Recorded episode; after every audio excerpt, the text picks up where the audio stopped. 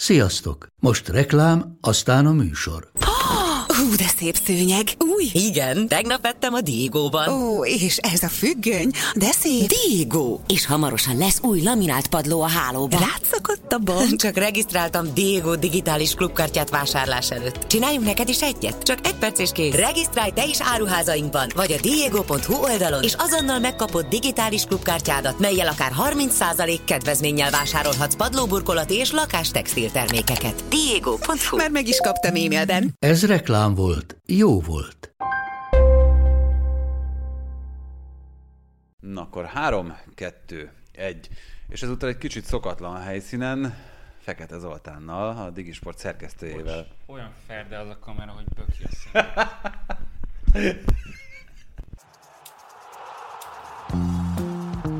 Ez a teljes terjedelem. Magyarország első futballpodcastja Baumstark Tiborral és Bognár Domával. És ezúttal egy kicsit szokatlan helyszínen, de nem egy szokatlan vendéggel, Fekete Zoltánnal, Pippóval, a Digisport szerkesztőjével fogunk beszélgetni. Válogatott szüneten, úgyhogy elsősorban ez lesz a téma, de azért elkalandozunk más irányokba is, és ha már válogatott, akkor talán elsőként itt a magyar nemzeti csapat kívánkozik előre.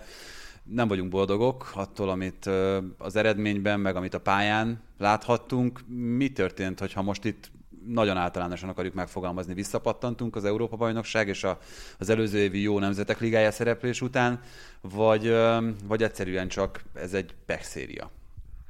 Hát én szerintem valahol a kettő között van az igazság, tehát nyilván nem vagyunk annyira jók, mint ami az EB-n úgy látszott, hogy, hogy, hogy X-re jók tudunk lenni, akár óriási csapatok ellen is viszont annyira rosszak sem vagyunk, mint amit most az elmúlt meccseken lehet látni, de azért én sietve leszögezném egyből azt, hogy Egyáltalán nem értek egyet azzal, amit az elmúlt napokban lehet hallani, hogy ha már egy Albániát nem verünk meg, akkor, akkor mit akarunk. Tehát ennek az Albániának 11 ö, olyan játékosa volt, aki topligából érkezett, és ellenünk pályára lépett. A magyar válogatóban meg négy ilyen volt összesen.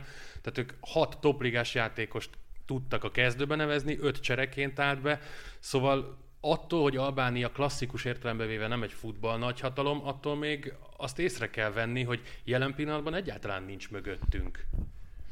Még itt az albánokra vonatkozóan szerintem az egy nagyon fontos dolog. Én azon gondolkoztam pont, miközben néztem a meccset, és így szedegettem össze magamban, hogy ki hol játszik, hogy tök jó az, hogy most azért játszik több magyar is a Bundesligában, és ott rendszeresen szerepet kap, de hol van a többi? Tehát hogy az albánoknál volt spanyol élvonalban futballozó játékos, volt olasz élvonalban, angol, ugye Broja, aki oda-vissza megtréfált minket, kicsit színesebb a paletta. És ezáltal szerintem a hozott anyag, meg a, meg a tudásanyag is egy kicsit több, nem? Nem tudom, szerintem ez inkább a, az albánoknak a kivándorlásából adódik, tehát ők leginkább Spanyolországba és Olaszországba mennek, ezért lehet az, hogy az egyik héten Baré még Benzemát védte az Espanyol Real Madridon, a másikon pedig már um, Szoboszlait vagy Sallóit kellett éppen lefognia, de az, az főleg Olaszország, és főleg a spanyolban volt azt hiszem kettő, tehát Baré és Bayou, és a, a nagy része az olasz első osztály. Igen, de hát ez azért nyilván attól függetlenül segít most persze, abszolút, hozzá, hozzátéve abszolút, azt, amit, amit persze, te is mondasz, hogy... Persze, persze. És azért azt még hozzátenném itt a, a, a szériával kapcsolatos játékos állományhoz, hogy igazából a teljes védelem szériát. Tehát, hogyha azt azért elfogadjuk, hogy azért az olaszok védekezésben még mindig nagyon jól meg tudják szervezni a dolgokat, láthatjuk mondjuk Márko Rossi is olasz, tehát, hogy és azért ő rendbe rakta a magyarok védekezését korábban elég rendesen.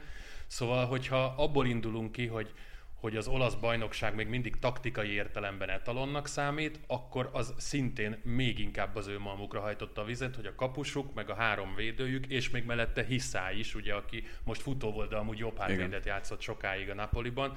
Szóval, hogy, hogy gyakorlatilag akik hátrafelé kellett, hogy figyeljenek, azok mind olyan játékosok, akik a, a, a védekezés magas iskoláját tanulják évek óta. Hát és hogyha azt nézzük, akkor, akkor azért egy Atalanta játékos, aki, hogyha nem is minden mérkőzésen kezdő Jim City ott van Kumbulla, megint csak egy magasabb polcon De tényleg itt most ez egy része, ami nagyon fontos, hogy itt az albánok pontos polcra tételekor, hogy, hogy milyen is volt az ellenfél, tehát az 40-66 azt hiszem ez volt a kettő csapat világranglista helyezése, és a 66 volt az albán csapat én is azt tartom jónak, meg azt tartom bölcsnek, hogyha innen közelítünk, és nem feltétlenül világranglista helyezésekben, meg abban gondolkozunk, hogy, hogy most itt az EB-n mit értünk el. De hogyha most pozícionálni akarjuk ezt a csapatot, ezt a magyar válogatottat, akkor nem helyezést kérek, akkor valahogy helyezzük el azt mégis, hogy, hogy, hogy hol van a szintje ennek. Lehet pozícionálni, csak tényleg ez a, és most már minden egyes válogatott meccs után ugye van ez a hang, aki ezt mondja, és én is ezek közé tartozom, hogy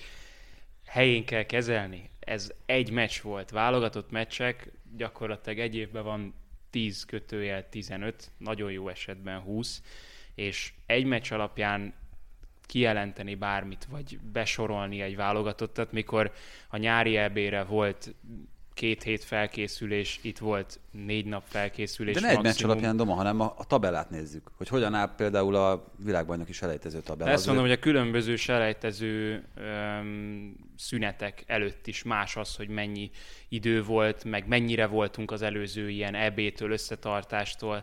Tehát ezért is nehéz ezt így, így besorolni, és inkább, mint ahogy például a Nemzetek Ligájában van, ilyen osztályokra lehetne bontani, vagy hogy nagyjából melyik halmaz az, ahova a magyar válogatott tartozik, és az alapján meg igen, az a halmaz, ahol nagyjából Albánia is van. Itt, itt van a magyar válogatott. Én is, én is azt mondom, hogy, hogy ilyen Albánia szintű csapatok a kiki meccseink. Tehát az, hogy, és szerintem a legnagyobb sikere, hogyha itt szakmailag nézzük, akkor a Rossi érának, az az, hogy megnyerte a Nemzetek Ligája csoportját. Szóval, szóval ott volt az, hogy szerintem, ha nem is Franciaország, meg Németország szintű csapatok, de stabilan jobbnak számító csapatok ellen tudott végül is sorozatban olyan eredményeket elérni, amivel megnyerte a csoportját. Szóval szerintem még nem is az EB-re kijutás volt itt a nagy fegyvertény, mert ugye fölemelték a létszámot már a 16-os EB előtt, szóval, szóval ott azért könnyebb lett az út egy Magyarország szintű válogatott csapat számára. Az, amit mondjuk elértek most az EB-n, azon lehet vitatkozni, hogy siker, nem siker, mert végül is ez a kicsit nesze semmi fog meg jól, de ugyanakkor én is abszolút belelkesültem, hogy tényleg pariban tudtunk lenni ilyen szintű válogatottakkal, és percekre voltunk a továbbjutástól. De a negatív ember meg azt mondja, hogy oké, okay, de végül is nem volt meg, tehát egyedüliként kiestünk abból a négyesből. Én azt mondom, hogy ez akkor is egy óriási eredmény, de, de azt is gondolom, hogy, hogy a magyar csapat pont olyan, hogy underdogként, miközben, miközben te itt legyek, Legyet kemotoxot játszol, közben azért elmondom, hogy, hogy, hogy a magyar válogatott jó underdog tudott lenni azzal, hogy össze volt rakva. De amikor már neki kell diktálni, az már nem biztos, hogy, hogy, hogy úgy tud menni. Hát meg a lelkiállapot is nyilván más, hogyha Persze. esélyesként készülsz, mint ahogy esélyesnek kiáltották ki a magyar csapatot Albánia ellen, meg mint amikor mondjuk a német vagy a francia válogatott, vagy akár a portugál ellen nincsen feltétlenül veszíteni valód. Még abban szálazzuk szét itt a, a dolgokat, hogy védelmi problémák, védelkezési nehézségek, fegyelmezetlenségek, nívótlanság, vagy mi okozza azt, hogy, hogy majdnem minden mérkőzésen dob olyan hibákat a, a válogatott, vagy esetleg itt a koncentrációnak a, a, a hibái, vagy a hiányosságai ö, okozzák azt, hogy, hogy rendszeresen van olyan baki, ami miatt akár meccsdöntő szituációk ö, eredményeződnek hátul.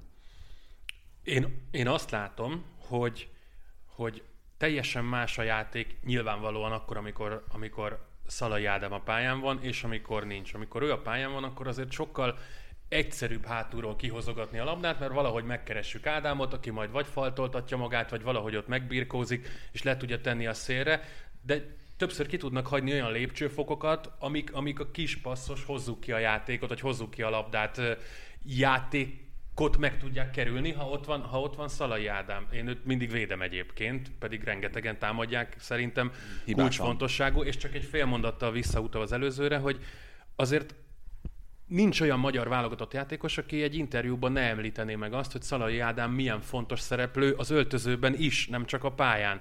Tehát eleve az is, hogy ő az albánok ellen mind a két meccset kihagyta, el tudom képzelni, hogy okozott egy a többieknek, hogy amilyen szintű nyilván a maga ö, dimenziójában ö, Ibrahimovic, olyan szintű fontosságú játékosa ö, karakterre is, Szalai Ádám a magyar válogatottnak, tehát hogy, de, de igen, hogyha, hogyha maradunk a taktikai részénél, akkor egyszerűen szerintem több paszt kell addig megjátszani, amíg kijutunk, és így több a hiba lehetőség is a nagyszámok törvénye alapján. Ettől függetlenül így is sokkal több volt a hiba, mint ami indokolt lett volna.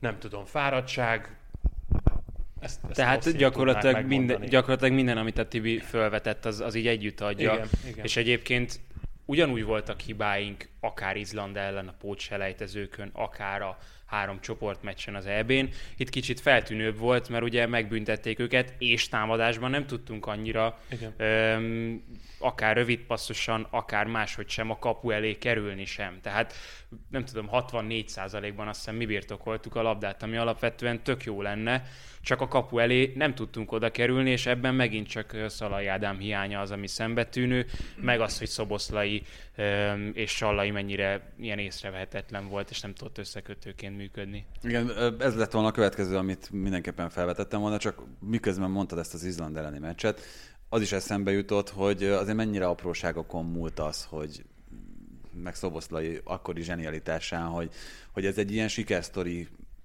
kezdete volt, és onnantól kezdve az íródott egészen az Európa-bajnokság végéig, mert mert hogyha ott az nem úgy sikerül, akkor, akkor ezt elkönyveljük kudarcként szerintem ezt az egész selejtező sorozatot. És akkor nem nyertük volna meg a Nemzetek Ligája csoportot se. Majdnem biztos, igen, majdnem biztos vagyok benne, és hát EB szereplés nélkül azért nehéz lett volna idáig korbácsolni a futballázat itthon, valljuk be. Még úgy is, hogy itt van Lehet, hogy Magyarországon már a torna egy része. lenne itt egyébként akkor.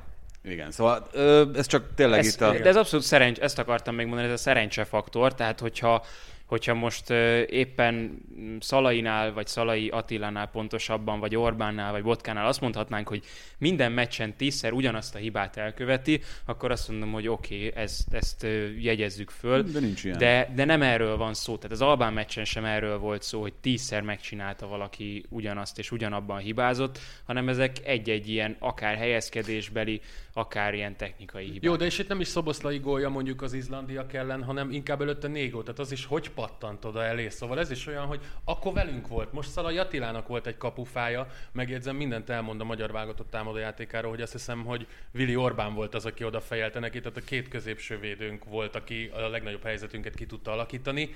Mondjuk ez meg megint utalhat Szalai Ádám hibájára, mert azért ők is nagy testű, erős játékosok, hogy ott el tudtak úgy birkozni, hogy valami helyzetig ki tudjanak keveredni.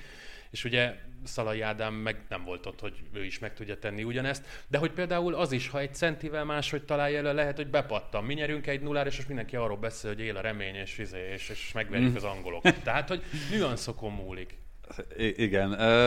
Itt, amikor a támadó sorra nézünk, és annak a, ott a kreativitás hiányát próbáljuk megérteni, hogy ez miért is van, akkor az mennyire lehet indok, hogy annak a négyesnek, amit most föltett Rossi, ugye itt Sallói, Sallai, Szoboszlai, Séfer hármasból, vagy négyesből, azért mindegyik fiatalabb korosztály tagja, és talán még ezt óvatosan mondom, de egyikük sem olyan vezéralkat, bár Szoboszlaiban szerintem megvan az erre való képesség és hajlam, de egyikük sem olyan vezéralkat, aki nehéz helyzetben képes a hátára venni egy, egy egyébként bukdácsoló csapatot.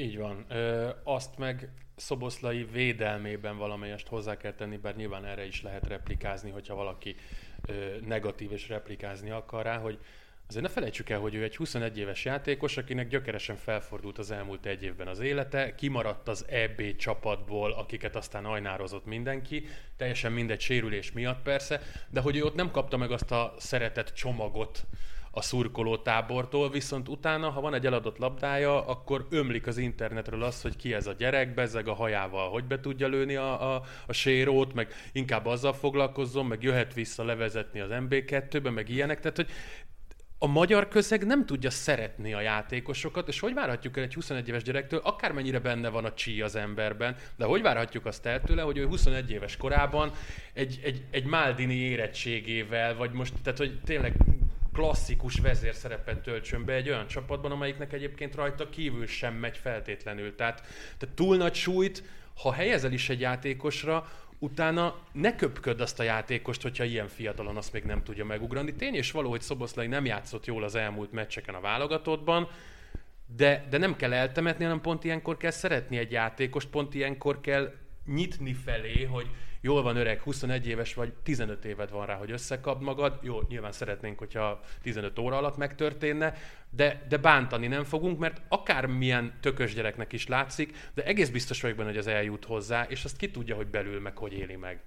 Hát miközben azt látjuk, hogy egyébként akár csak Albániát nézve, de az összes környékbeli kisországot figyelembe véve, hogy hogyan bánnak mondjuk a horvátok, hogyan bánnak a macedónok egy-egy hősükkel, Pándevet mindig szerették. Teljesen mindegy, hogy éppen az adott válogatott mérkőzésen milyen teljesítményt nyújtott, és hogy milyen teljesítményeket, meg eredményeket produkált a válogatott. Igen, vannak elvárások bőven, de egyébként szóval kétféle vezér létezik. Van, aki a játékával mutatja meg, és van, aki pedig azzal, hogy még ehhez hangos. És Szalai ugye ilyen, hogy a játékával és a hangjával is vezér tud lenni, de azért Zsuzsák és Szalai nélkül ebben a válogatottban nincs feltétlenül olyan hangadó, és hát 20 évesen meg kiszokott az lenni. Persze. Tehát Szoboszlai a játékával már többször láttuk, hogy volt vezér, Salainak a játékában csak úgy van benne, hogy ő fölvállalja a cseleket, hogyha eljut hozzá a labda, Salóitól és Schäfertől pedig ilyet ne feltétlenül várjunk még úgy, hogy válogatott tapasztalatuk gyakorlatilag öm, egy-két mérkőzés, és akkor ott vagyunk, hogy Szoboszlai lehet majd az, aki hangadó is lesz ebben a csapatban, de még nem olyan idős, és még nincsen olyan rutinja, Szalai nélkül nincsen ilyen hangadó vezérünk, úgyhogy max a játékban várhatunk tőlük azt, hogy többet, többet vállalnak, vagy többet kísérleteznek. No hát ö, szerintem itt a magyar válogatottal kapcsolatos dolgokat, azokat nagyjából átbeszéltük, de maradunk a válogatott terepen, méghozzá a Nemzetek Ligájánál. Itt azt gondolom, hogy ha most megnézzük, hogy kik szerepeltek ezen a minitornán, akkor legfeljebb Anglia hiányozhatott, mint a, a legjobb válogatottak egyike, de négy elképesztően magas színvonalon játszó csapatot láthattunk. Egy számomra hihetetlenül magas színvonalú tornán. Én nem tudom, hogy válogatott mérkőzéseket, vagy válogatott mérkőzés sorozatot, mikor élveztem ennyire felhőtlenül utoljára. Mind a négy mérkőzést imádtam.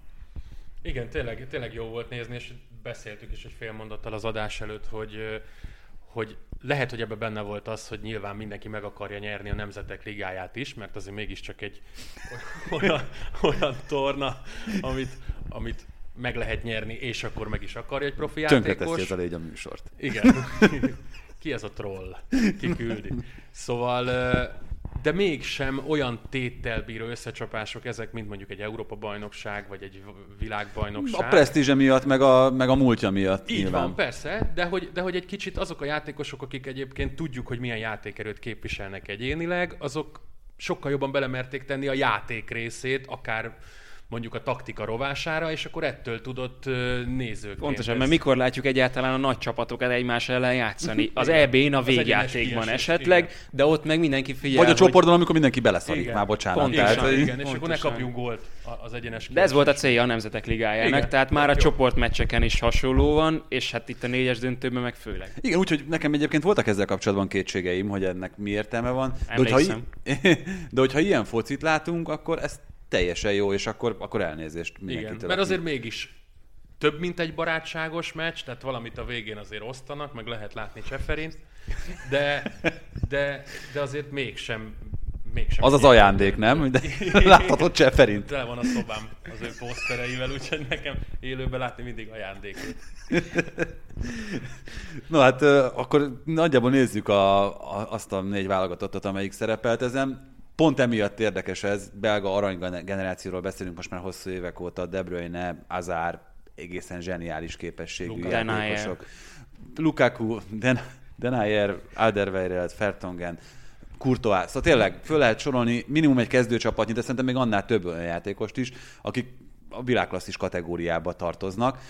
Hogyan létezik az, hogy amikor azt mondták korábban, hogy a belga válogatott csak, most idézőjelbe téve, egy VB bronzéremmel büszkélkedhet, akkor, akkor azt mondták, hogy azért, mert hiányzik a vezér közülük, mert a nagy tétnél nincs, aki igazán ö, a csapat élére álljon, akkor ilyen helyzetben, amikor nincs akkora tét, miért nem tud villanni az egyébként világ első válogatott? Ehhez tegyük hozzá rögtön azt az Azár Ázár, Ázár mondta azt hiszem ezt a nyilatkozatot, amit most sokat idéztek, hogy nekünk nincsen 22 világklasszis De játék. mondta szerintem. De Bruyne? Aha, Lehet, igen, hogy ő mert volt. hogy ő játszott ugye tegnap. Ja igen, persze, ő egy- volt, tényleg, tényleg. És, és ő mondta, hogy, hogy úgy, mint a francia vagy az olasz válogatottnak nincsen 22 világklasszisunk. Jó, ez egy pici hülyeség azért szerintem. Tehát, hogyha, hogyha valakinek nem ciki a kerete, akkor az a belga. Most oké, okay, hogy tegnap pont nem játszott Lukaku, meg nem játszott egyik Azár se, de Hát jó, de itt játszott De Bruyne, játszott a Batshuayi, játszott. Igen, tehát, igen, tehát ez, a, ez, a, Carrasco, tehát azért voltak ott. ez a De Kettelár gyerek, hát ez szenzációs, Igen. hogy beállt most, és Bebőrözte Donnarumma. Tehát most nyilván utálom ezeket, az az új, új De Bruyne, meg, meg nem tudom miket És aggatnak a rá. régi is 22 éves általában, tudod. És a régivel egyszerre cserélték be, tehát... Volt, 15 éve mondják, hogy az új Messi, a Krükit sem mondták, hogy egyidősek, érted? Milyen új Messi? Na mindegy, tehát hogy, hogy azért ebben a belga válogatottban sokkal több patronnak kellene lennie annál, meg hát én azt gondolom, hogy méltatlan valahol az, hogy ez a generáció egyetlen egy címet és egyetlen egy döntőt sem tud felmutatni. Tehát, hogy az, hogy, hogy döntőben nem tudtak kerülni, Roberto Martinez egy nagyon felkészült szakember, de korábban Vilmocnak, most szerintem Martineznek a sara valahol az, hogy, hogy ez vagy, És ahhoz képest milyen stabil a pozíciója, nem? Tehát ő azért már jó régóta ott van, tehát hogy nem próbálta. a Barszánál is felvetődik a neve olykor. Valamit jól csinál. Jók a kapcsolatai. Igen. Na igen, szóval itt uh, akkor nem tudjuk megfejteni, hogy, hogy mi a... Nem tudom, e- most ezen gondolkodom, hogy, hogy ezt is tudjuk be a szerencsének. Ne, ez már azért Ez nagyon sok. nagy minta, igen. Tehát, hogy itt azért... A Nemzetek Ligáját szerintem ne vegyük ide, mert az nem egy, nem egy ilyen szinten komolyan vehető trófea. És a belgák okosan el is enged. Tehát ez, Itt, ezért lettek négyből Bölcsek. negyedikek, igen. Tehát ez olyan, mint hogyha Mourinho mutogatná a Liga Kupa trófeát. Nekem kicsit hasonló.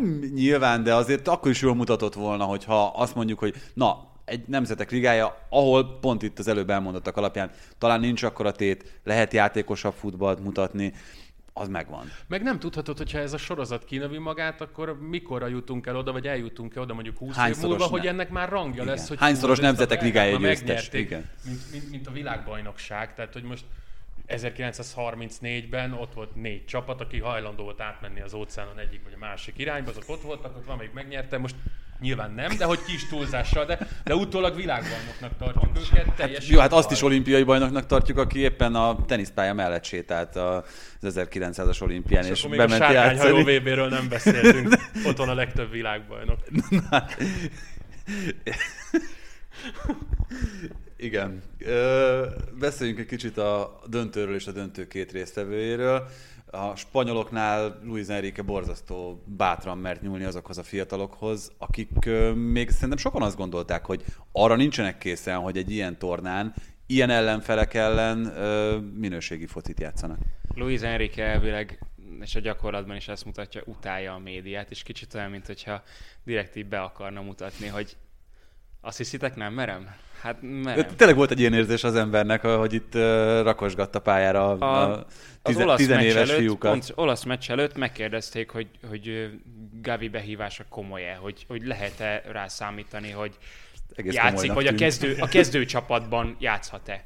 És akkor már az előtte levő sajtótájékoztatón is azt mondta, hogy hát meglátjuk. Egy ilyen óvatos, óvatos mosoly kíséretében, és aztán a meccs után meg nyilván már mindenki azt mondta, hogy hát mekkora döntés, Jeremy Pino, mekkora csere, óriási játékos, egyértelmű, hogy ők kellettek. És most igazolták őt a döntések, de volt már olyan, hogy, hogy nem igazolták. Arról nem is beszélve egyébként, hogy akár csak, hogyha visszatekintünk itt az olaszok elleni elődöntőre, nyilván jó részt emberelőnyben játszott ez a spanyol csapat, de egyrészt a focia a spanyol csapatnak, másrészt az, hogy ezt 17, 18, 19 éves fiúk csinálják, ez borzasztó frusztráló lehetett Kieliniéknek, nem? Igen, hát ez Bonucci azért látszott, hogy őt ez frusztrálta. Biztosan az, de hát pont Tehát ez egy, az úgy, nem csak, bocsánat, hogy nem csak a médiának intett be, hanem ez egy fricska az ellenfelek felé is, nem? Hát vagy a Nemzetek Ligája felé. Tehát, hogy eljövünk a négyes döntőre az U21-jel konkrétan, de, és Busquets. Tehát, hogy ilyen, ilyen, ilyen, ilyen olimpiai csapat. Három túlkorossal. Igen, igen, volt három túlkoros, és a többi ilyen U23-as gyerek. De egyébként ez tök jó irány, meg ilyenek, csak ö, Szerintem, hogyha valaki ellen ez a csapat játszik, és ők az ellenfelé, különösen, hogyha ők mondjuk három hónapja megnyertek egy elbét, akkor ez nem kéne, hogy kiborítsa őket. Tehát mi vagyunk az Európa bajnokok, itthon játszunk, nem fütyülnek minket, csak az egyikünket, úgyhogy, úgyhogy ezt meg kell tudni oldani. Nem is értem egyébként, tehát én, én arra számítottam, hogy mind Bonucci, mind Kielini pályafutásában az, hogy ők az EB-t megnyerték, az egy, ilyen, az egy ilyen végső lelazulás lesz majd. Hogy mostantól ők úgy igazán komolyan semmit nem fognak venni, mert, mert megtettük, tehát hogy, hogy nem fog elszállni az agyuk egy, egy nemzetek ligája elődöntőben a 30. percben. Hát ez Bonucci valahol, igaz- ez valahol még egyébként pozitívum is. Hát még megvédhetjük, hogy kiállítatta magát, de, de igen, tehát van az a nézőpont, azért ne dicsérjük meg. Na de ne, ne térjünk még rá az olaszokra, mert őket egy kicsit későbbre tartogattam. Spanyolokról még valamit? Abszolút, az csak ennyi, hogy, hogy milyen éretnek tűnik minden játékos ebben a csapatban. Van, akiről már beszéltünk, Ferran Torresnél mindig beszéltek az angoloknál, hogy, hogy ő mennyire jól működik középcsatárként, Abszolút, és ebben is rengeteg kérdés volt, hogy miért nem hív be Luis Enrique más támadókat. Én is mondtam, hogy Raúl de Tomás milyen jó formában van, van Spanyolországban, Gerard Moreno most sérült volt, ő azért nem, de hogy volt még bőven kihez nyúlnia, amit viszont már tudtunk, hogy Oyarzabal eh, mennyire jó játékos, talán a legalul értékeltebb Spanyolországban, csak őt nehéz kirobbantani egyelő. nem? Mit mondtam? Spanyolországot Itt is, ott mondtál. Itt is, ott is. Szóval, hogy, hogy azt csodálom, hogy nem, nem ostromolják így durvábban a Real Sociedadot érte. Igen, ez egyébként érdekes, hogy a Manchester City-ben is Guardiolának, és itt a ö, Luis Enrique-nek a spanyol válogatottban is sok kritikus alkad emiatt a középcsatár helyzet miatt, miközben szerintem Ferran Torres ennek a szezonnak az eleje óta legkésőbb, de már az előzőben is voltak jelek arra, hogy bizonyítja azt meccsről meccsről, amikor beállítják őt kilencesként, vagy akár egyébként hamis kilencesként, tehát hogy mind a kettő szerepet szerintem nagyon jól képes ellátni, hogy ösztönösen nagyon jól tudja megoldani ezeket a, ezeket a feladatokat. Beszéljünk a végső győztesről, ugye a francia csapatról, amelyik kétszer is fordítani tudott, és nézve azt a két meccset, amit ők játszottak, az embernek kapásból az volt az érzése, hogy ezt nem akarom elhinni, hogy, hogy ennyi jó játékos egy országban születik egy időszakban. Igen, sőt, még olyan is van, hogy egy családba. Ugye a Hernández família esetében. Egyébként szerintem, jó mondjuk, tehát itt a tegnapi nap a döntő mellett szerintem azért nagyon nehéz szó nélkül elmenni a második gól mellett, és hogyha még ahhoz hozzáteszem azt a 11-es gyanús szituációt az elején, amit nem fújtak be a franciák ellen, a spanyolok javára, akkor az messzire tudna vinni, főleg, hogyha Egri Viktor is itt ülne az asztalnál. De szerintem azzal, hogy, hogy azt a 11-est nem adták meg, amit amúgy nem... Tehát, amit egyébként mondott a, a Székely Dávid közvetítette, ha jól emlékszem, amit ő mondott, hogy, hogy a futball, hogy is fogalmazott, hogy a futball értékrendjének megfelelő ítélet, vagy valami ilyesmit mondott azzal kapcsolatban, hogy be lehet ezt fújni, be is szokták mostanában, de tök jó, hogy most nem fújták, szerintem is, soha nem kéne befújni az olyan 11-est, viszont ez a lesgól, ez meg lesgól volt. Tehát ezt nem is értem, hogy legalább miért nem vonalazták ki. Tibi, mit mond a futball szellemisége? Hát én a futball szellemiséget ezt annyira nem szeretem, a szabályokat azokat jobban. Még tehát akkor is, hogyha, hogyha egyébként értem, hogy mit akarsz, meg akarnak mondani ezzel az emberek, csak le vannak fektetve szabályok, amiket, hogyha nem tetszenek, akkor meg kell változtatni, és, és akkor lehet, lehet, lehet futball szellemiségének megfelelő szabályokat hozni. De mindegy, tehát hogy ez... Erről is beszélünk majd Oké, az élő ezért- adásban, október 19-én, hogy milyen döntésképtelen a akármelyik döntéshozó szerv a labdarúgásban. Úgy van, ugyan a jegyek már elkeltek, de, de a hallgatóként szeretettel De látom. érdem, igen, érdemes De majd. neki. No, ö, hol, igen, Mbappé lesgója. Szóval azzal kapcsolatban az a véleményem, meg az a helyzet, hogy miután nem láttunk vonalazott képet, csak perspektívikus kameraképeket, nyilván lehet viszonyítani itt vonalakhoz, meg a fűnyírásához. De Jó, nem ez a kérdés, nem ez a kérdés, le sem volt a, a passz pillanatában Mbappé, ez nem kérdés. Nem tudom, hát el tudjátok azt képzelni, hogy bevonalazzák ezt a varszobában, és azt mondják, hogy hát ugyan le sem van, de Figyelj, engedjük, Ha hagyjuk. bevonalazzák, akkor egy két perccel később, ez szokott lenni általában a protokoll bárhol, megmutatják, hogy mi alapján. nem értem, hogy miért nem mutatták meg, de, de azért, tehát, ugye, ö, most már elég hosszú ideje meg vagyunk áldva ezzel a varral, meg ezekkel a vonalakkal, meg minden egyéb dologgal. Csomószor volt olyan, hogy valamit azon az élőképpen, hogy mennyivel van előrébb a vállaljátékosnak, vagy a... De nem ez a kérdés. De, ne, de hogy nem ez a Onnantól, kérdés? Hát, hogyha... Azzal, Nem, hogy, hát hogy onnantól kezdve, hogy oda. persze. Ja. és hogy ő értem. adta a labdát, tehát erre hivatkozva Ezt nem olvastam, jóvá, úgyhogy- aha. erre hivatkozva hagyta jóvá a játékozót, ezzel magyarázta busquets Erik, de nem, Ja. nem az volt, ez sima lesen volt Bappé, az, az nem kérdés. Erik Garcia mozdulata, így van azt Hogy a hiszem a magyar volt-e, fordítás, hogy a labda megjátszására irányult. És De onnantól ez meg egy kezdve... hülyeség. Tehát, hogy hát ő menteni akart, amiatt az Mbappé miatt, aki Igen, ez a, ez a magyar onnantól fordítás, kezdve- mondom, onnantól hogyha angolul, angolul nézzük, akkor nem, a megjátszás az, az nem így hangzik, hanem úgy, hogy ő kb. közbe akart avatkozni, és ez meg is történt. az a Igen, és, és De, ö, ezért nem, hogyha nem ér bele, akkor ez egy sima les. Ja, értem. Jó, mert, ö, bocsánat, akkor itt el voltam egy kicsit tévedve ez ügyben. Ö, nem, hát hogyha, tehát tényleg ugyan a szabály egyébként, hogyha meg akarod játszani a labdát, tehát itt a kettő között a különbség az, hogy állsz mondjuk egy helyben, és rólad oda pattam véletlenül, vagy, vagy mondjuk át akarod lépni a labdát, teszem azt, és hozzáér a, a lábadhoz, akkor az nem minősül megjátszásnak. Viszont, hogyha a labda felé mozdulsz, akkor onnantól kezdve az Hát számít. nem a labda felé mozdult, mert ugye indítás volt, tehát hogy nyilván arra mozdult, amerre Ja, a labda persze. is. Dale Johnson, aki az ESPN-es csávó is leszokta vezetni ezeket Mhm. mm-hmm. Twitteren, ő, ő le is írta, hogy volt egy ilyen, én nem emlékszem, 19-ben talán City Liverpoolon, hogy Lovren ugyanezt csinálta. Hogyha Mhm. nem ért volna hozzá, akkor lesen Igen. lett volna, nem tudom ki Hát jó, csak ezt ott, a gólt. ott, ott, a különbség, vagy tehát, tehát ott dől el ez a történet, hogy, hogy szerintem ebben a formában ez hülyeség, hogyha Mbappé lesen nem lép ki, akkor Garciának nem kell megpróbálni megjátszani Pontosan, a és ezért Tehát, mondják hogy azt ezért sokan, hogy, hogy rossz a szabály. És ez Igen, így van. Ez így, ezt így meg lehet magyarázni, de, de én, ezt, én, ezt, én ezt nem tudom elfogadni. Tehát, hogy amit az előbb mondtál, nem tetszik, változtass meg, én most megyek és megváltoztatom. Jó, de csak azt mondom, hogy ugye lehet úgy is megpróbálni lesreállítani, hogy akkor nem, nem is próbálsz labdához Hát érni. jó, de Mbappé miközben- ellen a vak szerencsém múlik, hogy most Hát- hát... elkapja azt az ütemet a 450-es Jó, persze. végsebességével, vagy nem. Tehát mindegy, szerintem ez így bohóc volt. De nyilván megmagyarázhatja a bíró. Én busquets vagyok, aki szintén nem érti.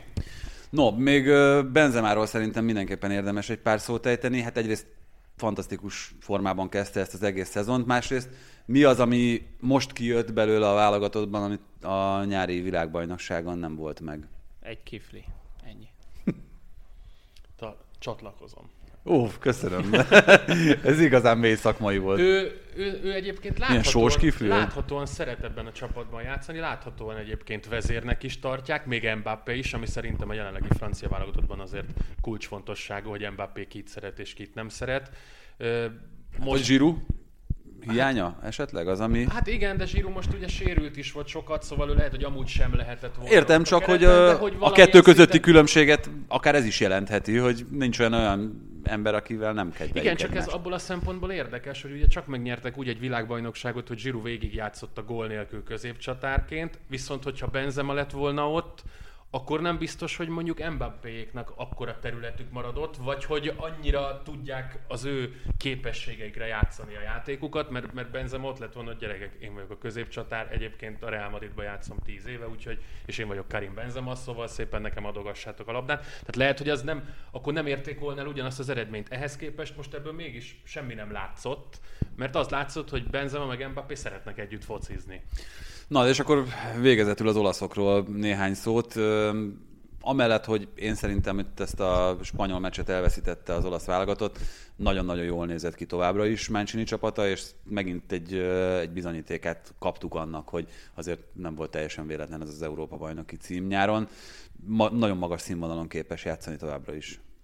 Így van, és ráadásul úgy, hogy most ö, tipikus kilencese nem is volt, mert oké, okay, Raspadori, meg, meg Moise Ken, vagy ki, most nem tudom, hogy éppen hol tartunk ma, hogy kell mondani a nevét, de hogy, hogy ők kilencesek, de, de azért nem immobile meg Belotti, bár ugye ők is lefelé lógtak ki mind a ketten, szóval, mint hogyha ez a, ez a szerkezet, amiben Mancini játszhatja az olasz csapatot, ez, ez nem annyira a, a kilenceseknek jól álló szerkezet lenne.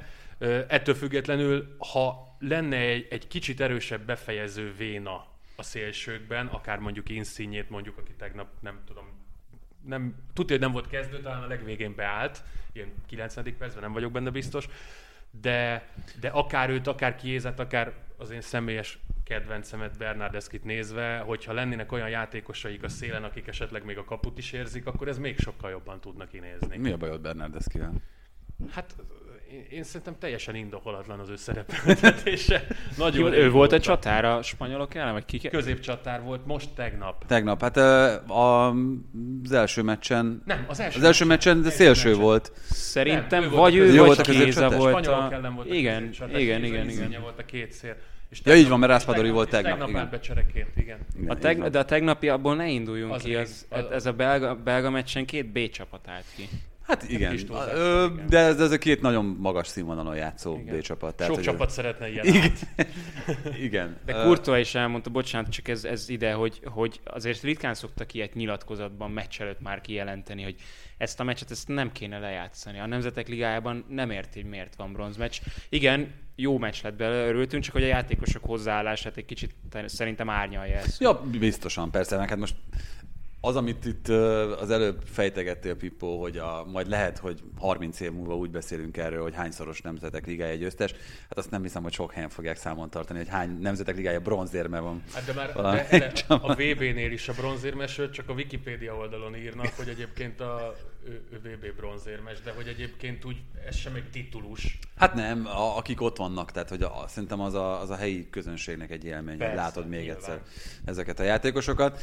Na de és hogyha már itt a helyi közönségről beszélünk, Egy élmény volt, hogy még egyszer. akkor mi nem, hát Donnarummának lehetett ez egy hatalmas élmény, amit Milánóban kapott, ahogy fogadták őt. Most először tért vissza publikusan abba a városba, ahol nagyon imádták őt korábban, viszont most már nem. Hát igen, ez, a, ez azért úgy kiderülni látszott a, a meccsen, meg ugye már Hát meg a meccs előtt, már a meccs van. előtt az a, az a transzparens sem volt olyan barátságos, Ö, amit Bocsánat, hozzá kell tenni, és itt szerintem vizsgáljuk ebből az irányból az egész történetet, hogy lehet, meg lehet érteni valahol a Milán szurkolóknak a frusztrációit e tekintetben, de mennyire van igaz a, az összes játékosnak és Mancininek, aki kiállt egyébként ö, Donnarumma mellett, hogy itt azt válasszuk már külön, mert mégiscsak egy válogatott. Nekik az a dolguk, hogy kiálljanak mellette. Ők Egy nem- zászló mint felett, ugye, Ők- hogy nálunk. Így van, tehát ők, ők, ők nem mondhatják azt, hogy hát beszéltünk mi is Donnarumáról, vagy Don, Donnarumával arról, hogy azért itt, itt elég rendesen meghekkelted a sztorit, szóval ne csodálkozz, tehát nyilván ezt nem fogják mondani. Szerintem teljesen visszafogott Donnarumma védő nyilatkozatokat tettek Rájolán kívül mindannyian, de Rájolán meg egy külön fejezet. Úgyhogy én szerintem ez egy kicsit olyan, mintha elhagy a barátnőd, és még fél év múlva is folyamatosan őt ócsárolod bárkinek, hogy egy picit már ez a lépj túl, elment, nincs itt, valamilyen szinten magadat égeted azzal, hogyha még mindig őt szidod. Menj tovább, csá, elmentél, kész, nem foglak imádni mostantól, te itt semmi nem vagy számomra, és kész, nem foglalkozom Jó, veled. de kellett ez a teljesen nyilvános tiltakozás akkor? Ö, és, és a meccs előtti, Már kinek a részéről? az közönség részéről. Már Hát, a meccsen? Hogy Igen. kifütyülték? Mert az, hogy, az, hogy a meccs előtt ez történik, az, az, az, az is már ugyanebbe a kategóriába esik, amit mondtál, de az, hogy, hogy mérkőzés közben annál az olasz válogatottnál, amelyik, amelyik most, jó, nevezzük tornának a Nemzetek Ligáját, most először szerepel tornán az EB győzelem óta. Tehát, Hát hogy meg ott, az EB ott legjobb játékosa igen, ott, volt, ott, ott, tehát, ö, hogy- én erre gondoltam, hogy ott azért már a meccsen támogatjuk őt. Hát igen, meg. csak az ultrák azért úgy működnek, hogy ők az elsősorban a klubjuk ultrái, és másodszorban állampolgárai bármelyik országnak. Van egy olyan megoldás, hogy azt mondod, hogy én ezt a nevet nem ismerem. Így Aha, van. Na igen. én azt mondom, hogy szerintem, szerintem Igen, nem ez kell megtapsolni, nem egyetlen, kell Egyetlen egy dolog van, ami fogadni. miatt egyetértek egyébként a, a Milán szurkolóinak a, a negatív attitűdjével Donnarumához emiatt a transfer miatt, az pedig az, hogy ö, hogy nem hosszabbított egy fél évvel vagy egy évvel korábban, hogy aztán pénzt kapjon érte a Milán. Tehát szerintem ez volt az egyetlen inkorrekt lépése, mert azt jelen pillanatban nem lehet felróni neki. Tehát itt azért nem az van, hogy a Donnarumából egyszer csak start csinált a Milán, és ő két hétre rá elment valahova, hanem itt volt az ember 6-7 éve, és nem azért kezdődött az ő nevével a Milán kezdőcsapata 6-7 éven át, mert úgy véd, mint én, hanem azért, mert ő hozzátette mindig azt a teljesítményt, amivel mondjuk most visszajutott a bajnokok ligájába a, a Milán. Tehát, hogy, hogy azért ő adott is, azt nem kellene elfelejteni. Mondom, az egyetlen dolog, ami miatt szerintem joggal lehetnek mérgesek, az, hogy, hogy nullában szállt ki a Milán ebből, pedig egy Donnarummáért kellett volna, hogy kapjon 60-70 milliót alsó hangon. Téged sosem láttalak védeni, ellenben... Örülj neki. ellenben menj annal, és emiatt is egy kicsit furcsa a történet, mert nem tűnik úgy, hogy a Milán ebből olyan nagyon rosszul jött volna ki. Egy lényegesen alacsonyabb fizetésért sikerült egy olyan kapus szerezni, aki hát minimum azt mondhatjuk, hogy, hogy megoldja parádé, és lábbal ráadásul még sokkal jobb is. Tehát azt hiszem az első, még az első fordulóban majdnem adott egy gólpaszt is így harmadik labdaérintésre, hogy jött egy beívelés, vagy már nem is tudom, amit megfogott egy lövést, és kézből kirúgta a labdát, és indította Rafael Leao-t, aki aztán bravúrral védett a kapus, szóval... szóval az Atalanta ellen is volt ilyen. Igen, igen, igen. Tehát, hogy, hogy ő, ő kézzel nagyon rendben van, stabilan hozza a bravúrokat is, hozzáteszem Donnarumma is, és azért ő még mindig csak 23 éves, már mint Donnarumma, és arról beszélgetünk, hogy, hogy egy egész stadion fütyüli ezt a szerencsétlent, aki utána ugye hogy kiejtette a, a, a labdát, a, amikor Bonucci rúgta igen, ki, kapufára utána, ment, kapufára ejtette meg ilyenek. Hát azért ezt nézzük el neki. Tehát nyilván egy 23 éves emberről, emberről beszélgetünk, aki egy pár éve még azt nyilatkozta, amikor 16 évesen bekerült a Milán felnőtt kezdőjébe, hogy neki az a legfurcsább, hogy nem tud kimenni a Domtére este beszélgetni a barátaival. Tehát, hogy innen indultunk, oké, eltelt közben hat év, de azért ebből látszik, hogy itt most egy emberről tudna. van szó. Hát, most sem, igen. Nem változott de, a helyzet, de még nem kellett volna ekkorára nőni. Annyi hogy, annyi, hogy most már a barátai is lennének biztonságban. Egyébként pont szerintem abban az évben, amikor Donnarumma bekerült, akkor voltunk együtt egy olasz kupa döntőn, és azt alapítottuk meg, hogy itt nem ember ez a csávó, hát, igen, kinéz. Igen, igen. Tehát, hogy 17 év, vagy 16 és fél évesen ott és egy ilyen hegyomlás. 30 évesen csókolommal köszöntem neki. az, akkor, az akkor 17 éves. hát, Tehát, ja, hát megállapítottuk, hogy a fiunk lehetne, de, igen, egy, igen. De, de, valójában egyikünk és sem. De valójában, de valójában mi vagyunk az ő fiai. És igen, tehát, hogy, hogy brutális méretei vannak. Tényleg, mint hogy erre lenne tenyésztve az ember. Én csak, csak a Kurtoánál látom ezt az ilyen... Hogy ilyen, ilyen hosszúk a karjai, egy, igen. igen. tehát egy ilyen, ez... egy ilyen oktopusz áll a kapuban, és oké, okay, mondjuk csak négy végtagja van, de, de lehetne nyolc is a méretei Tehát, hogy azokat elrejtik a mezek. Azért van hosszú ujja, még kettőben van. Úgyhogy lehet, igen. Na mindegy, szóval, szóval egészen elképesztő, nyilván alkatilag is Donnarumma, de visszatérve Menyanra, parádé, és rendkívül szimpatikus a, az ember. Tehát az, hogy most ugye bejutottak a döntőbe, amit a San Siro-ban játszott a francia válogatott, és nyilvánvalóan lehetett tudni, hogy ő nem fog védeni azon sem, mert hogy folyamatosan második vagy harmadik számú kapus Joriszék mögött, de hogy, de hogy akkor is azt írta ki a nem is tudom melyik fiókjába, ilyen közösségi oldalára, hogy, hogy és akkor most irány a döntő az otthonomban, meg szóval ezek, tehát ezekkel meg tudja venni, tehát őt nem fogják fütyülni mm. nyilvánvalóan. De, de összességében a Donnarumma sztoriról én, én a magam részéről ezzel zárnám, hogy szerintem ezt el kéne engedni mindenkinek. Elmentél, csá. Majd, ha visszajössz a PSG-vel, akkor megint egy kicsit lehet fütyörészni, de, de szerintem az a, az a legjobb megoldás ilyenkor, ha úgy, ha úgy ignorálod. Azt hittem azt mondod, hogy majd, ha visszajössz a PSG-ből. Igen. Na hát e, igen, ez az ajtó bezárulni látszik azért itt az elmúlt hónapokban. Milánról még azért mindenképpen beszéljünk pár szót ha beszéltünk arról nagyjából, hogy, hogy volt egy olyan pont, ahonnantól kezdve elindult fölfelé, és itt ez a, vírus vagy a járvány utáni újraindulás időszaka. Illetve az, hogy, hogy egyáltalán jó irányba kezdtek fordulni és indulni a dolgok a csapatnál, az a karaktereknek a kérdése elsősorban, mert az nagyon látszik itt Maldiniek munkáján, hogy olyan embereket próbálnak odahozni a csapathoz, akik nagyon jó versenyző típusok. Ilyen volt ugye Ibrahimovic talán első fecskeként, ki erről ugyanez elmondható, az ő karakterét például nagyszerűen megmutatta de a nyári a Európa bajnokságon. Meg, oké, okay, meg, meg a Dán válogatottban, de egyébként előtte, tehát amikor... Előtte szerintem nem volt, nem volt ö, olyan helyzet, ahol ez úgy igazán kiderülhetett hát de hogy, volna. Hogy? Tehát 30 éves volt már. Tehát hogy, hogy nem volt ilyen? Játszott már Rómában előtte például, meg Palermóban. Meg Palermóban. Oké, okay, csak hogy a Róma azért top csapat volt. Legalábbis az a Palermo is jó kis csapat volt. De jó kis csapat volt, a Róma bajnoki címért harcolt. Tehát, hogy, tehát, hogy ott is kijöhetett Voltak volna. jó, jó időszakai szerintem ott is. Persze, hát jó de, igen. De, de ugyanez elmondható egyébként szerintem a védelemben. Tomoriról ugyanez elmondható, végülis mégiscsak egy francia bajnoktól érkezett Menyan, tehát minthogyha ez egy kicsit, tehát maga a jellem, az, az még a játék tudást is A scoutokat dicséri. Abszolút. Így van. Egyrészt, másrészt meg valahogy az embernek De Zsirút is, bocsánat, ide ebbe a kategóriába. Persze. De közben meg ne felejtsük el azokat a játékosokat sem, akik már előtte itt voltak, de konkrétan a haját tépte minden szurkoló, hogy ez mit keres a Milánban ez a játékos, és ebből lett egy Kessié, ebből lett egy Calabria, tehát olyan játékosok, akik ezerszer le voltak írva, és egyszer csak mindenki nézi, hogy ezek, ezek, ezek hogy, hogy lettek ennyire jók ilyen rövid idő alatt ezek a játékosok. Tonali például mondjuk ő már Maldiniek idejében jött, neki is az az egyéves előző idénybeli film De bárkit említhetnél, tehát. Tehát Brahim most- Diaz. Most egyszerűen az látszik, hogy jó a közeg. Tehát aki ide jön, az felveszi azt a hangulatot, ami egyébként a csapatot jellemzi, és nyilván megkerülhetetlen Ibrahimovicsnak a szerepe ebben, vagy mondjuk Kiernek, de főleg Ibra, ugye őt szokás mondani, hogy, hogy ő a klubelnök, meg, a, meg, a, meg az Atya Úristen egy szemében. Ö, Konkrétan. de most már, ha nem játszik, akkor, akkor is jó a csapat. Sőt, tehát annak idején, annak idején egy évvel ezelőtt, ha Ibra nem játszott, vagy másféle, érezhető volt a játékon, hogy más, de hogy valahogy nincs benne az a, az a hatékonyság, hogy fú, itt most mindjárt lesz egy gól, hanem majd Ibra valamikor villan. De, de ezt a csapatot most szerintem majdnem minden meccsen volt az, hogy akivel néztem a Milán meccseket idén, annak így, így önkéntelenül azt mondtam, hogy ez bajnok lesz ez a csapat.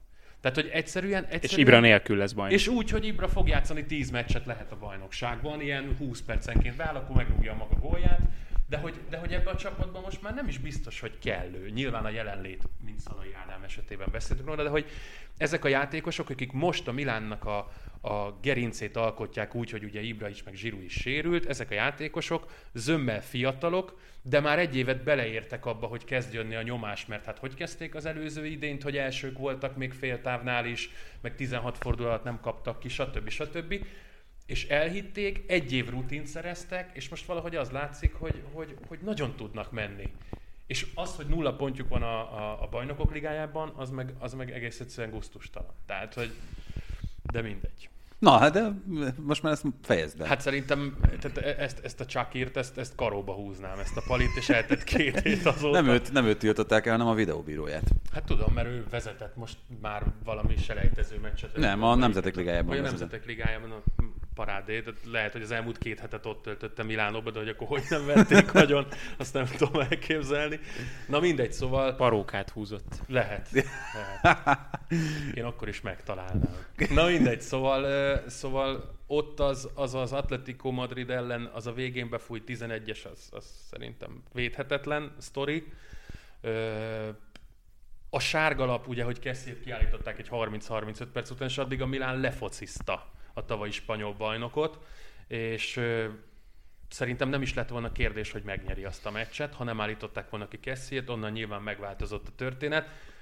Azt szerintem hozzá kell tenni, hogy Kessié buta volt. Tehát, ha már van egy sárgalapod, a félpályánál nem lépsz így oda, teljesen fölösleges, nem adhatsz ilyen zicsert a játékvezetőnek, de erre szokták azt mondani, hogy szigorú ítélet. De hogyha konkrétan nézzük, oké, okay, Meg erre, szok, erre szokták azt mondani, hogy az első sárgalap után nem minden második szabálytalanság sárga. Így van, így Tehát, van. hogy az, ami, Pontosan, pontosan ez így így egyébként van. egy gyakran ilyen kommentátori eszköz, hogy hú, vigyáznia kell. Hát egyébként nem, mert vannak sárgalapos szabálytalanságok, meg vannak nem sárgalapos Igen, de én erre azt szabálytalanságok. mondom, Pogba, hogy- Pogba esetek tegnap. Igen. Igen. De, de most erre azt mondom, hogy arra a faltra, ami a második sárgalapja volt Kessiének, arra, ha nincs még sárgalapja, akkor senki nem húzza fel a szemöldökét, hogy miért kapott sárgát. Második sárgának, és ez meg megint az, de viszont ilyen szabály nincs, Nincs, tehát leírva persze, nincs. persze.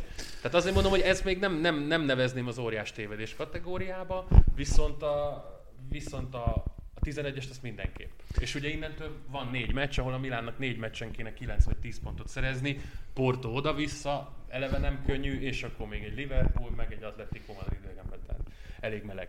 Na még egy utolsó kérdés, hol van ebben az egész sikerben, meg ebben az egész szerkezetben Pioli szerepe? Én beszéltünk a jó kiválasztásról, beszéltünk a, a megfelelő jellemekről, itt nyilván a minőségnek is meg kell lennie ezekben a játékosokban ahhoz, hogy, hogy itt tartson ez a csapat, de az edző szerepe hol és Az ilyen hozod? Atalanta elleni meccseken, amire azt mondták, hogy ugye a szezon legjobbja volt, nem? És ugyanúgy állt fel a Milán, ahogyan eddig, Igen. most Így már van. évek óta, Igen. vagy nem tudom mennyi ideje. És, és alkalmas volt mégis- az Atalanta egyébként teljesen más stílusú játékának a, A... És ezt mondom, hogy ott, ahol Calabria és Teo Hernández befelé húzódik a szélről, és, és ez ilyen dolgokban, ami, ami az alapjátékhoz teszi hozzá ezt. Abszolút, és, és, és nagyon, nagyon nagy húzás egyébként idén Brahim Diaz is, tehát mindenki itt parázott Csálanoglu távozása miatt. Én azt gondolom, és nyilván nem lehet elvenni Piolinak taktikai értelemben sem a, a, a sikerét, vagy tehát, nem, tehát muszáj őt is dicsérni ez ügyben, és semmi problémám nincs is ezzel, de én azt gondolom, hogy ő neki a legnagyobb szerepe az pedagógiailag van ebben a csapatban. Tehát én azt látom, hogy ahogy ő a játékosaihoz hozzászól, akár ilyen edzéseken készült videókon, ahogy, ahogy viselkedik, amikor lecseréli, vagy becseréli valamelyik játékosát a lefújás után, kicsit ilyen régi Ancelotti-ra hajazó, hogy, hogy igazából nyilván taktikailag is, meg aki találta a karácsonyt, meg a rombusz, meg, vagy legalábbis jól alkalmazta, tehát jól ültette be a saját csapatába. De hogy, Miért a régi? De hogy, Most is ilyen. Hát igen, de azért mondtam a régit, mert akkor volt a Milán edzője, tehát hogyha most a Milános példán maradunk, akkor hogy nagyon jól tudta kezelni a játékosát. Mindenki kicsit ilyen apa figurát látott benne, aki meg nem, azzal meg Bratyiba volt, mint az Ibra. Tehát ugye, hogy két apjuk van, ugye így a, a felvilágosult világ jelszava alatt e, e, a Milánosoknak, az Ibrahimovics is, meg a, meg a Pioli is ez, ez a szerepkör, és szerintem ebben sokkal többet tesz hozzá. No, hát nagyon szépen köszönjük, Pippo, hogy itt voltál velünk. Köszönöm szépen.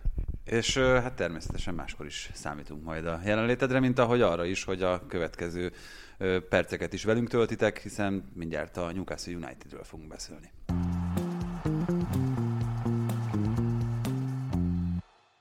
Mielőtt azonban itt az angol csapat adásvételével foglalkoznánk, egy szolgálati közlemény és néhány rövid hír, úgyhogy először szeretnénk megköszönni azoknak a gyors reakcióját, akik itt azon a jegyet vásároltak és váltottak az október 19-i eseményünkbe, amit a Nospában tartunk majd. Az Eliup podcast közösen fogunk készíteni egy olyan műsort, amelyet aztán egyébként meg lehet hallgatni és tekinteni is a megszokott felületeinken, úgyhogy akik ott lesznek, azok reméljük, hogy felejthetetlen élménnyel gazdagodnak majd. Mi De többiek, se, lesz. többiek se izguljanak nagyon, mert biztos, hogy lesz még ilyen. Tehát ez nem, a, nem az utolsó ilyen élő esemény. Annyi, hogy azt nem biztos, hogy már az eliuppal tervezük. Igen, hát bevallom, engem nagyon meglepett, hogy ez mennyire gyorsan elfogyott. Egy-két óra alatt az összes jegyet elkapkodtátok, úgyhogy ezért nagyon hálásak vagyunk. Na de akkor nézzük a rövid híreket. Vagy hallgassuk Neymárt például, aki a Datsunnek adott egy interjút, és azt mondta, hogy valószínűleg a Katari lesz az utolsó VB-je, nem érzi úgy, hogy utána benne lenne az erő a, a folytatáshoz. Persze azért Láttunk már Karón jut, ahogy mondani szokás, Griezmann is nyilatkozott olyat korábban, hogy nem hagyja el soha az atlétit. Pontosabban az, hogy azt mondta, hogy marad, azt nem mondta, hogy nem hagyja el, aztán mégis a Barszába ment, de most már megint most az atlétiban. Mindegy, nem ez a lényeg. Egy elnök választással kapcsolatos a következő hírunk. 49 esztendősen Rui Costa lett a Benfica klubjának az elnöke több mint 40 ezer szoció választotta meg, ugye ahogyan Spanyolországban, úgy Portugáliában is ez a szoció rendszer az, ami határozza az elnök személyéről. 84%-át kapta a voksoknak, korábbi portugál válogatott és több kiváló csapatban is megfordult, mint a Fiorentinában vagy a Milánban. A választást azután kellett elrendelni, hogy júliusban a korábbi elnököt, Luis Filipe Vieirát pénzmosás és család, csalás vágyával leültették.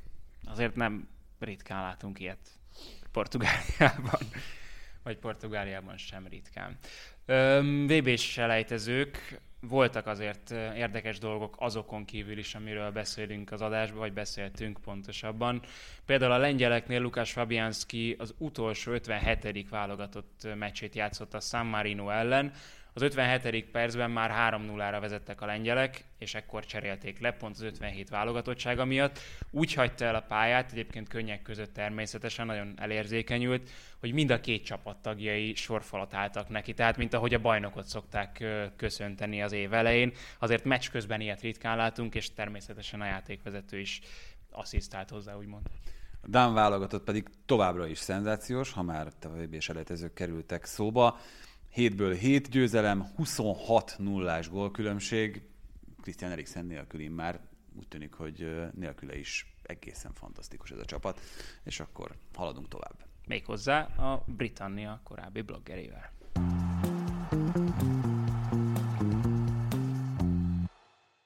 Fekete Márkkal folytatjuk, ahogyan ígértük, a Newcastle-ről fogunk elsősorban beszélni, és hát először azt kell megfejtenünk, és ehhez is kérnénk a segítségedet, Márk, hogy hogyan lett ebből ilyen gyorsan vásárlás, mikor azt hiszem egy éve, kicsit több mint egy éve beszélgettünk arról, hogy ezért ez még elég gyenge lábakon áll több ok miatt is.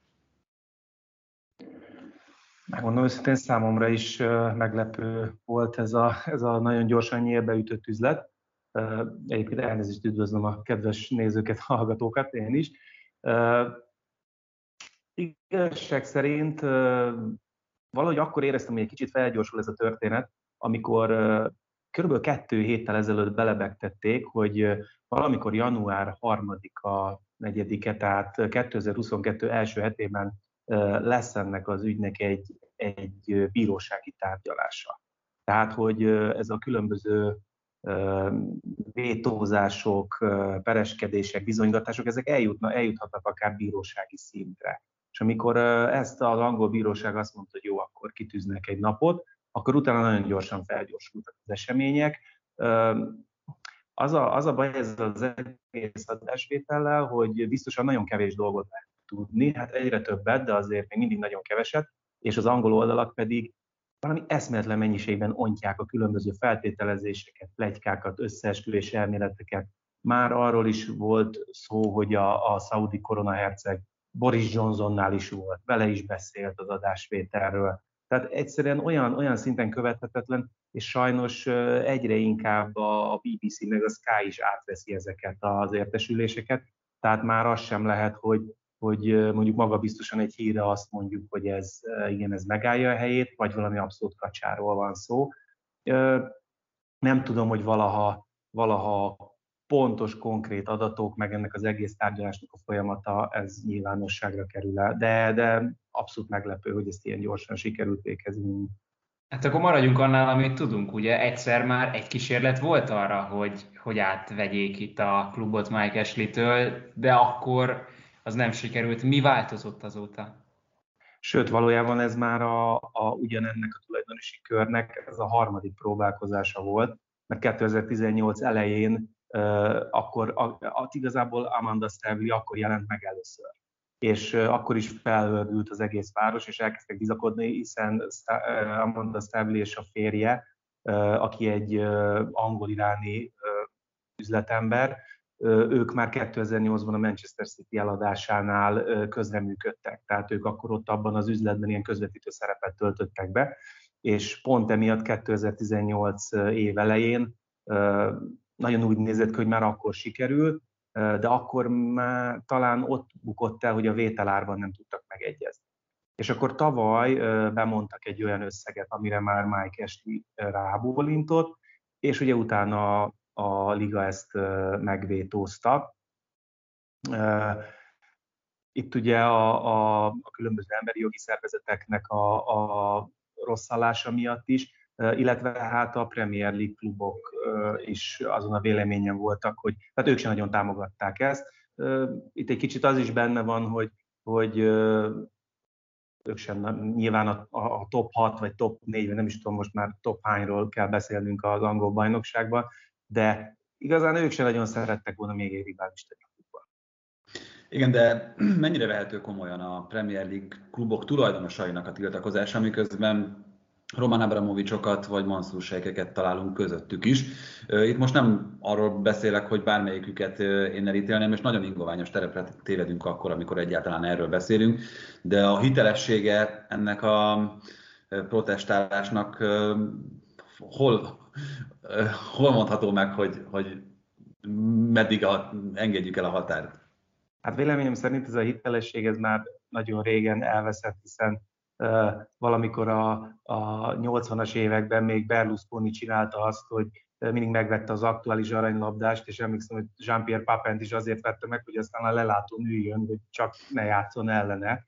És aztán utána eltelt 15 év körülbelül, és Florentino Perez ugyanúgy épített egy olyan csapatot, aminél hát nem tudom, hogy ott a Real Madrid saját maga gazdálkodta ki azokat a pénzeket, amiket költöttek annak idején Figóra, Zidánra, Ronaldóra, Beckhamre, vagy ott is ki tudja, hogy honnan volt a Real Madridnak erre forrása. De ez már régebben elkezdődött, és ugye utána jött uh, uh, én szerintem igazán tiltakozni, hát nyilván lehet bárkinek, csak, csak igazából olyanoktól hiteles, akik szerényebb anyagi helyzetben vannak. Tehát azért az nagyon, nagyon furán venné ki magát, hogyha egy Manchester City vagy, vagy bármelyik nagyobb angol klub, vagy akár egyéb nagy európai klub tiltakozna, mert nyilván ez most egy nagyon sarkos, tehát itt most nagyon konkrét, nagyon konkrét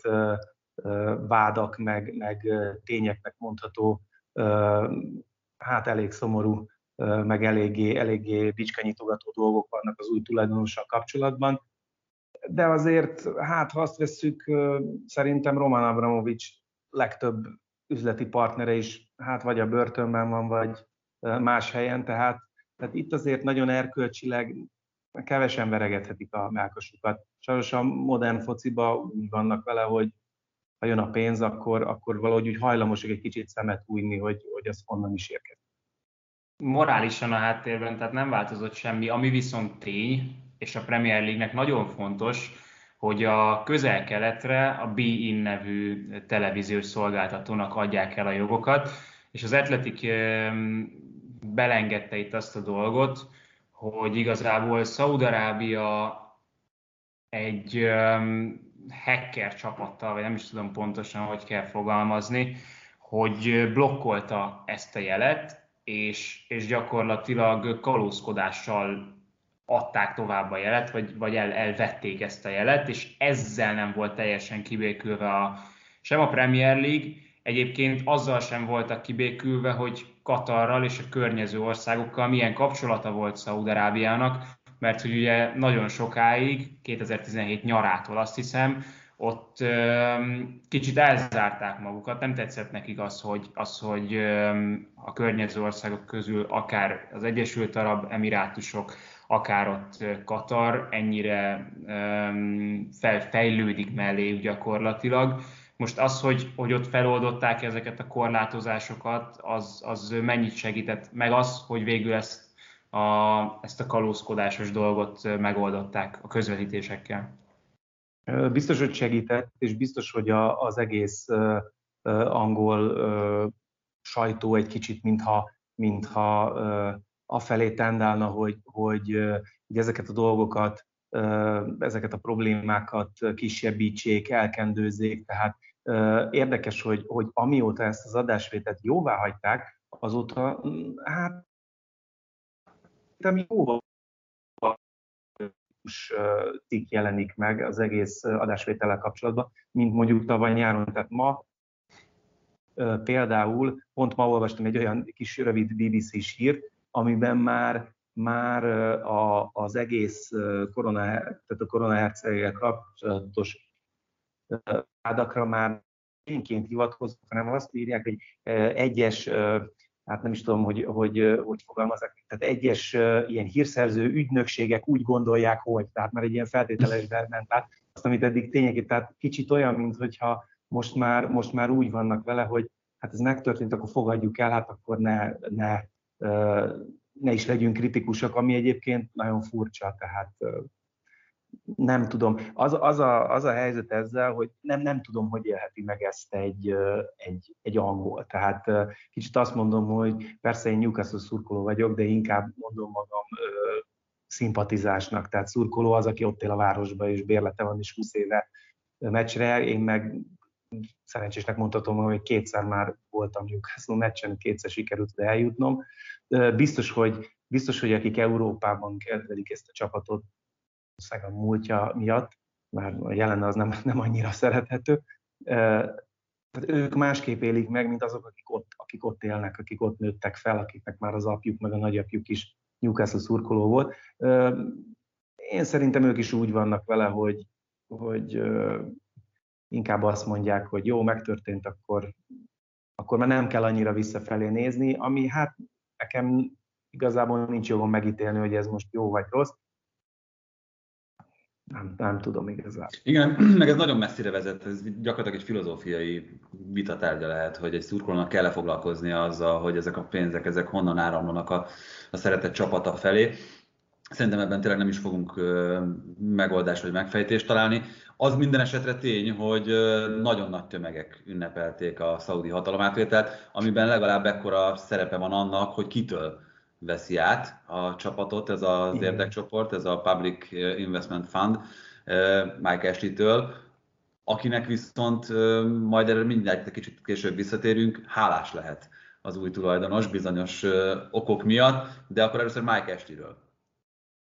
Uh, igen, Mike Ashley ugye 2007-ben érkezett a, a Newcastle-höz, tulajdonképpen kifizette a klub adósságait, úgy, hogy rendezte a, a sorokat, és mivel ő egy ilyen, hát egy ilyen új gazdag, ilyen, ilyen hát akkor a 40-es évei közepén járt, tehát még csak egy ilyen aranyifjú volt, ezért pont a napokban gondoltam arra, hogy volt, volt egy kicsit olyan párhuzam a szurkolókból, hogy lehet, hogy ő lesz a következő Jack Walker, aki ugye megérkezett Blackburnbe, betolt egy csomó pénzt, és bajnokok lettek, és hú de jó. És kicsit Ashley is így indult, mert hát ugye gyorsan eltakarította Sam Allardyce-t, akit még az előző vezetés vitt oda, visszahozta Kevin keegan akkor leigazolták Damien Duffot, Jeremy, tehát azért viszonylag még úgy nevek is érkeztek, viszont aztán nagyon gyorsan elmentett az egésztől a kedve, és onnantól kezdve átment a Newcastle egy modellváltáson, és azt mondták, hogy akkor ez egy magát önellátó cégnek kell lennie, ami azt jelenti, hogy ő nem fog a, sem a magán, sem a most teljesen mindegy, hogy Sports Direct-es pénzek, vagy teljesen mindegy, hogy milyen, de ő nem fog bele úgy pénzt tenni, termelje ki magának a csapat. És ez vezetett oda, hogy tulajdonképpen a tehetséges fiatal játékosokat igyekezett eladni, sőt tulajdonképpen aki megadta az árát, bárkit, bárkit eladott, és megindult egy ilyen liftezés. Ezen kívül az első év után nem nagyon járt ki meccsekre, éveken keresztül nem adott interjút, tehát tulajdonképpen így magára hagyta a szurkolókat, Kigennel nagyon csúnyán összeveszett, Shearer odahozta egy lehetetlen küldetésre, hogy négy vagy öt meccs alatt tartsa ment a Newcastle-t, mikor nem sikerült, akkor, akkor nagyon gyorsan menesztette. Tehát egy csomó olyan népszerűtlen intézkedést tett, ami miatt a szurkolók nem szerették. Emellett viszont a Newcastle-nek az Ashley érában soha nem volt semmilyen adóssága, semmilyen olyan veszély nem fenyegette, mint nagyobb, szintén nagy, vagy szintén nagy múltú angol klubokat. Egész egyszerűen csak nem lehetett vele egyre a kettőre jutni. És összesen három alkalommal, három olyan év volt, amikor komolyan investált a csapatba, amikor kiestek, és akkor, akkor leigazolt olyan játékosokat, akik, vagy hát leigazolt olyan játékosokat, akikkel kvázi biztos volt a visszajutás. Utána abban az évben fektetett be komolyabb összeget a csapatba, amikor végül ötödikek is lettek, és utána Európa Ligába indulhattak, de érdekes módon a következő évben már nem. Tehát a következő évben szinte senkit nem igazoltak, és látszott is a csapaton, hogy az Európa Ligába eljutottak a negyed döntőig, és tulajdonképpen az utolsó előtti fordulóba maradtak bent, tehát a bajnokságra már nem futotta erőből. És utána a harmadik ugyanilyen nagyobb befektetése, az mikor másodszor kiestek, és akkor Rafa Benitez kapott egy olyan csapatot, amivel vissza tudott jutni a, a, a Premier League-be. Viszont érdekes módon a következő évben már Benitez is leadhatta a listáját, hogy ő kit szeretne. Egyszer volt egy ilyen nyilatkozat Rafa Beniteznek, hogy ő kijelölt egy A, meg egy B, meg egy C megoldást egy posztra, és akkor megkapta a D-t. Tehát, hogy azért ő sem nagyon azokat igazolhatta, akiket szeretett volna. Tehát igazából pont ugye egy vagy két napja van szó arról, hogy esetleg esti szerepet vállalna a Derby County-nál. Hát azok a Derby County rajongók, akik attól félnek, hogy a csőd miatt megszűnik a csapatok, azok megnyugodhatnak. Viszont hát maximum nagyot, egy... Nagyot nem merjenek álmodni azért. Hát nagyot ne, nagyot ne. Igen. Igen, viszont ugye itt pont ez, amit említettünk, hogy az új tulajdonos hálás lehet Eslinek emiatt a feszes gazdálkodás miatt, amit ő folytatott a, a klubnál. Ennek köszönhetően gyakorlatilag itt azonnali intervencióra van lehetőség. Úgy Igen. számolnak, hogy gyakorlatilag 150 millió fontot költhet el, akár már az első átigazolási időszakban a klub. Miközben azt halljuk, hogy itt gyakorlatilag egy struktúraépítés folyik első körben, tehát az akadémiát próbálják egy kicsit rendbe rakni, a klubnak a hátterét próbálják úgy felpumpálni, hogy aztán ez később valóban egy jól működő gépezetként funkcionálhasson. Lásd Manchester City. Mint ahogy igen, a Manchester City-nél tették ezt. Viszont ahhoz, hogy koncepciód legyen, ahhoz lehet, hogy először nem Steve Bruce kell meneszteni, hanem egy sportigazgatót odavinni. Rá Franknik állítólag az első számú jelölt erre a pozícióra. Igen, Rangnickot én is olvastam, illetve még Luis campos olvastam, aki legutóbb a Lille-nél dolgozott.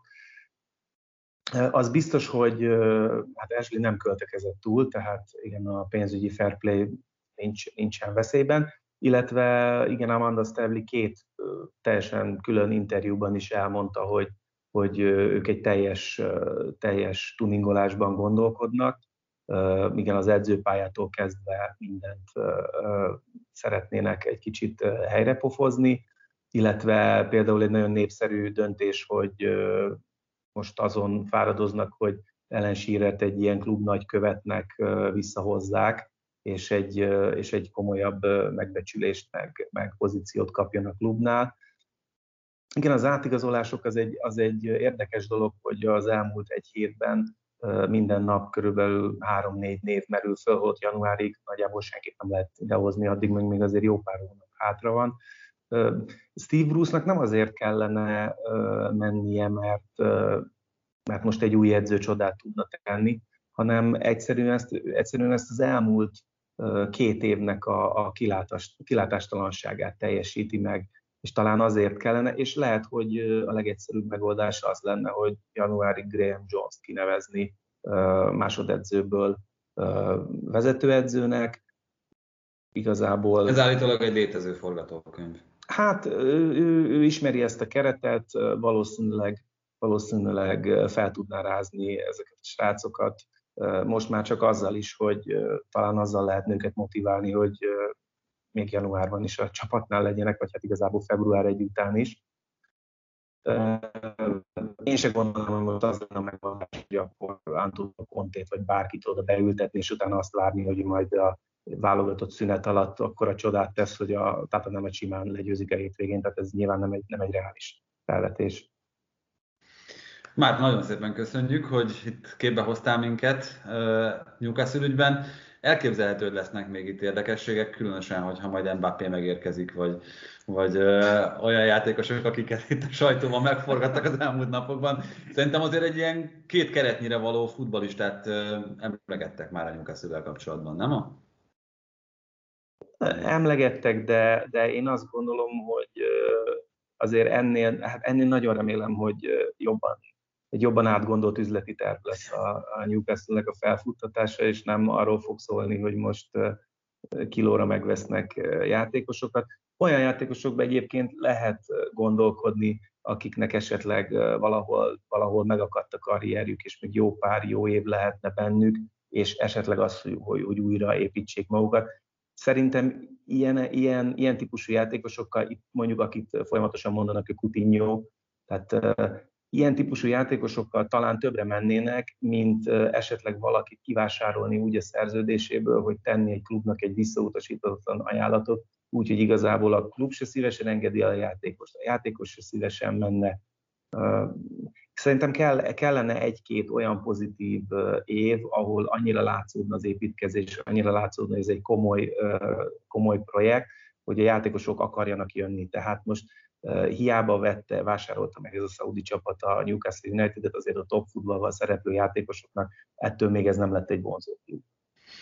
Na, köszönjük szépen, Márk, és nektek is a meghallgatást, meg a megtekintést. Kiki milyen felületen fogyasztotta a teljes teredemet. Jövő héten jövünk ismét, és nem csak egy adással, hanem ahogyan azt már láthattátok, olvashattátok, és mondtuk korábban is, lesz 19-én egy élő műsorunk is, amelyet az Eliup nevű podcasttal fogunk közösen elkészíteni, úgyhogy számítunk a figyelmetekre a jövőben is. Sziasztok!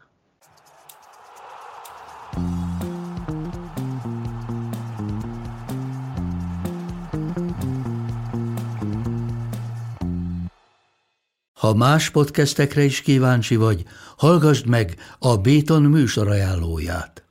El tudod képzelni, hogy a podcastet, amit éppen most hallgattál, fél év múlva már a mesterséges intelligencia generálja? Mi sem. De ha érdekel, eljötte már a gépek lázadása. Hallgass bele az Embertelen podcastbe. Orsós Lajos vagyok, a műsor házigazdája. Egyelőre még élőben. Egyelőre. Fedezzük fel együtt, hogyan ismerkedik, randizik, mesél és vitatkozik Betty és Péter, két teljesen mesterséges intelligencia. Lajos, a podcast címét mond még egyszer, Léci. Oké. Okay. Embertelen podcast. Ez a műsor a Béton közösség tagja.